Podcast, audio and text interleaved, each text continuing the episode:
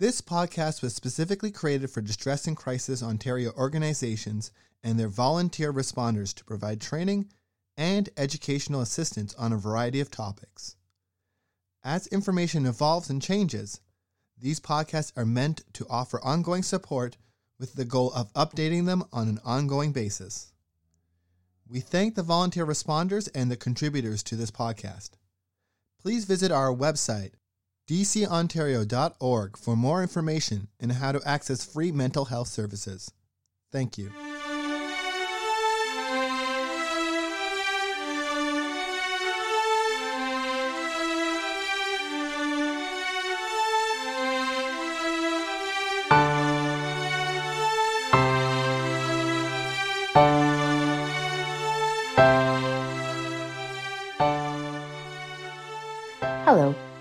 Caitlin Plant, and I am the Program Manager at Distress and Crisis Ontario. Thank you for choosing to listen to our podcast. Now, first off, this week, I'd like to apologize if my voice sounds a little different or if I sound very stuffed up. Uh, one of my children kindly shared his winter bug germs with me. Uh, so, I, yeah, I do apologize if I'm a little bit sniffly and if my voice sounds a little bit off.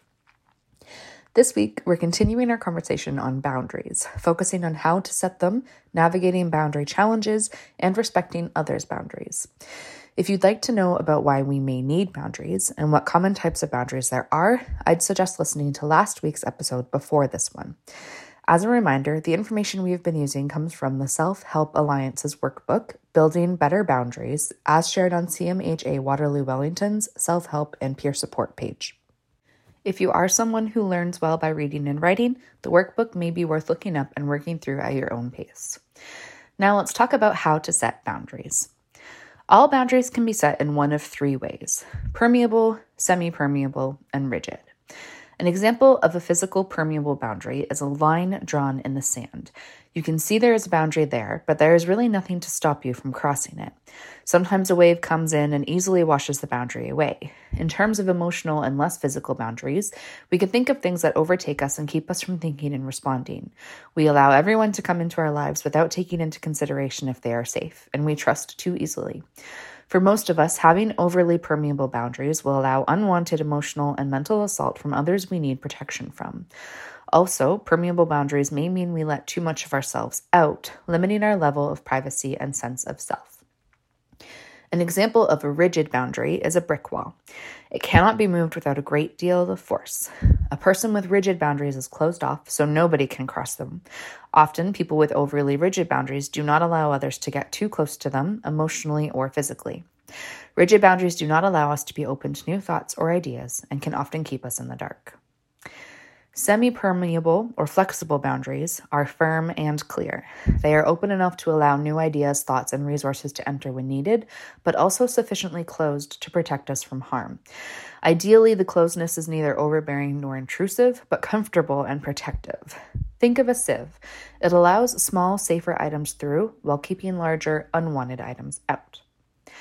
When thinking of setting boundaries, the workbook also lists 10, quote, laws of boundaries. Law number one the law of cause and effect. If you smoke, you are likely to develop a smoker's cough or even cancer. If you overspend financially, you will likely get calls from creditors, or worse, may not have enough money for rent or food. If you exercise regularly, you may have fewer colds and more energy. Establishing boundaries helps an individual learn the law of cause and effect and how to protect themselves in the future. Sometimes someone else may step in and pay that credit card bill or deliver groceries, and though this may be done with the best intentions, crossing this boundary may take one's ability to learn and grow away from them. Law number two the law of responsibility.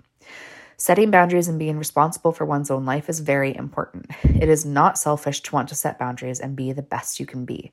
However, it is important to continue to love others while also taking care of ourselves. We cannot feel another's feelings for them, grow for them, or learn for them, but we can support and care for others and allow them to do the same for us. Law number three is the law of power. You have the power to admit when you need to make a change without necessarily having the ability to change it yet. You have the power to ask for help. You can call a family member, friend, peer support, doctor, counselor, helpline, or anyone else that you trust to help you when you need it. You have the power to make the choices that are most positive for you and your life. you have the power to set and enforce new and improved boundaries. Law number four is the law of respect. When setting and enforcing boundaries, we fear others will not respect them. They may get angry if you set limits, they may not accept you if you say no, etc. We may even judge others' boundaries, thinking we know what is best. If we love and respect others who tell us no, they will then love and respect our no. Our concern should not be what others would do or what we want them to do. They are free to make their own choices just as we are. Law number five is the law of motivation. If what you are doing is taking away more than you are getting back, you are doomed to failure. Some people are motivated to do things for less healthy reasons, like fear of loss of love or abandonment, fear of others' anger, fear of loneliness, guilt, payback, or for approval. But motivation based on positive outcomes is much healthier and will likely lead to better results. Positive motivation means you are pursuing an outcome to gain a reward instead of to avoid something negative. A positive outcome of setting boundaries may be a greater sense of peace in your life. Law number six is the law of evaluation. It is important to evaluate the effects of setting boundaries and to be responsible to the other person, but that does not mean you should avoid setting a boundary that might hurt or anger someone else. To have boundaries is to have a purposeful life. Sometimes our actions may cause hurt to another, we need to evaluate the pain our new boundaries might cause other people. We need to see that this hurt may possibly be helpful and sometimes may be one of the best things we can do for the relationship. Law number seven is the law of proactivity. For every action, there is an equal and opposite reaction. When working towards boundary changes, it is not uncommon for some people to become very reactive. Pent up emotions may explode into strong attempts to reclaim power that was lost in the past. These reactive phases are necessary, but not sufficient for the establishment of healthy boundaries. You may need to react to find your own boundaries, but once you have found them, it's time to strengthen connections with others as equals. Law number eight is the law of envy. We all have envious parts to our personalities, but it becomes destructive when it keeps us perpetually insatiable and dissatisfied. It is difficult to decide what we want and need when we are focused on others. People without boundaries feel empty and unfulfilled. The time and energy they spend looking at other people could be used to take responsibility and do something about it. Law number nine is the law of activity. An important part of boundary setting is being active and doing the work. It may be hard at times, but without resistance, we cannot gain strength. Finally, Law 10 is the law of exposure. A personal boundary is like a property line. It defines where you begin and end. Your boundaries define relation to others. In order for others to honor your boundaries, they need to be made visible and communicated with others. The onus is on you to communicate your boundaries clearly. There are also three steps outlined in the workbook to set your boundaries. The first step to setting boundaries is self awareness.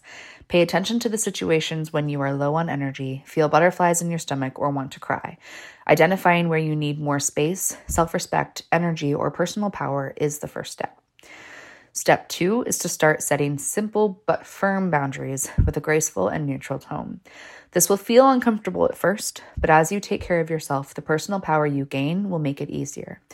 Be sure to have support in place before and after each conversation. If you cannot find support from a friend or family member, you may be able to find a friend online or you can call a local distress center. Vent any strong emotions with your partner or other supports before having your boundary conversation.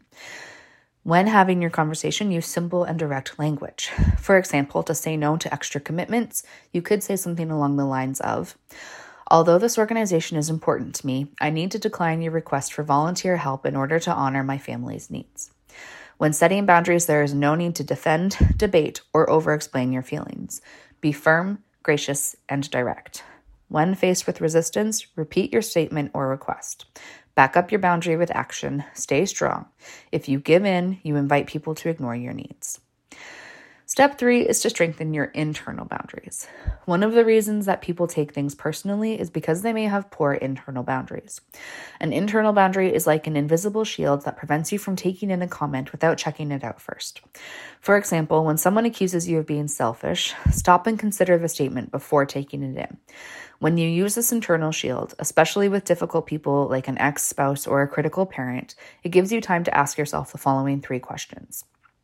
First, how much of this is true about me? Second, how much of this is about the other person? And third, what do I need to do, if anything, to regain my personal power or stand up for myself? This last question is very important. Too often, people neglect to stand up for themselves by avoiding confrontation and end up weakening their internal shield, making it harder to set boundaries at all. So, if someone offends you, it may be necessary to let them know in order to protect and strengthen your internal boundaries. There are always going to be challenges that may add difficulty to your choices to set and strengthen your boundaries. If you are aware that some of the challenges may occur, you can be better prepared to reinforce your boundaries during those challenging times. First are life shifts. Things are always moving, changing, and needing adjustments. New lines need to be drawn and old ones removed. Disagreements. Not all people in your life will agree with where you have drawn your boundaries. It is necessary for healthy relationships to discuss and learn to respect each other's boundaries. Misunderstandings can occur when others have weak boundaries and therefore cannot respect yours. If you have not adequately paved the way for a new boundary through respectful notification and discussion, or when others only support your growth if they do not have to make adjustments. Excuses like, I just have to live day to day and trust things will work out, or it's easier to say yes than no, or if I set boundaries, I might as well kiss that relationship, job, friend, opportunity, etc. goodbye. Your own patterns and beliefs. They've been adopted to protect you in times of discomfort and sometimes continue when that time has passed. Building boundaries is a process. Free yourself from blocks to personal power. Fear. Change can be scary.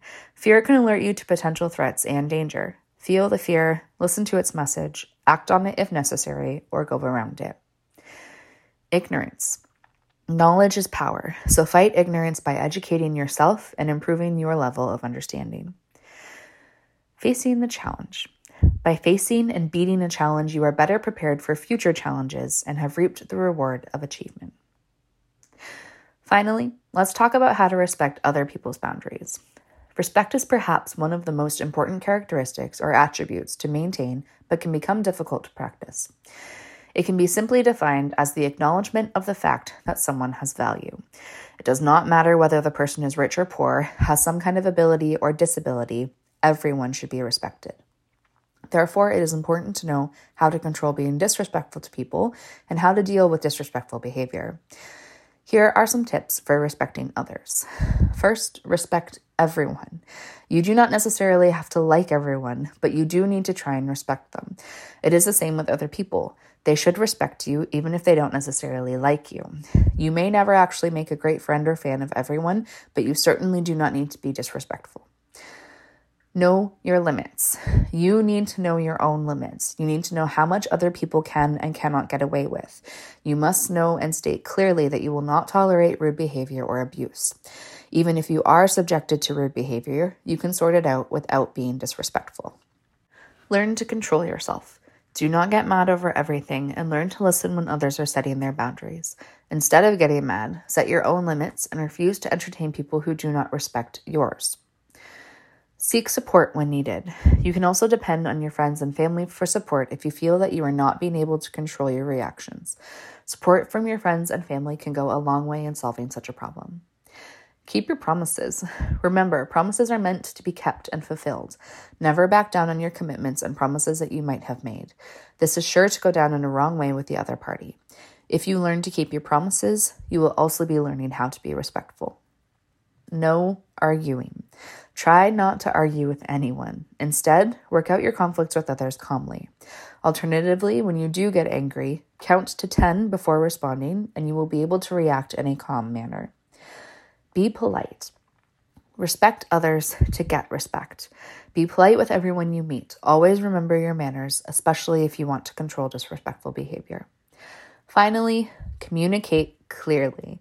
Communication is the key to some of the biggest problems in this world. When someone or something is bothering you, talk about it. It helps to vent and work out the problems. Do not keep it inside your mind, as you never know when it can just explode out.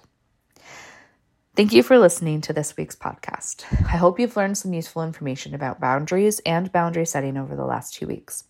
As always, if you need support for anything you are struggling with, ONTX and our member centers are here. You can find your nearest center, many of whom operate 24 7, by visiting our website at www.dcontario.org forward slash locations. ONTX's online chat feature can be accessed from any page of our website using the Looking for Support sidebar.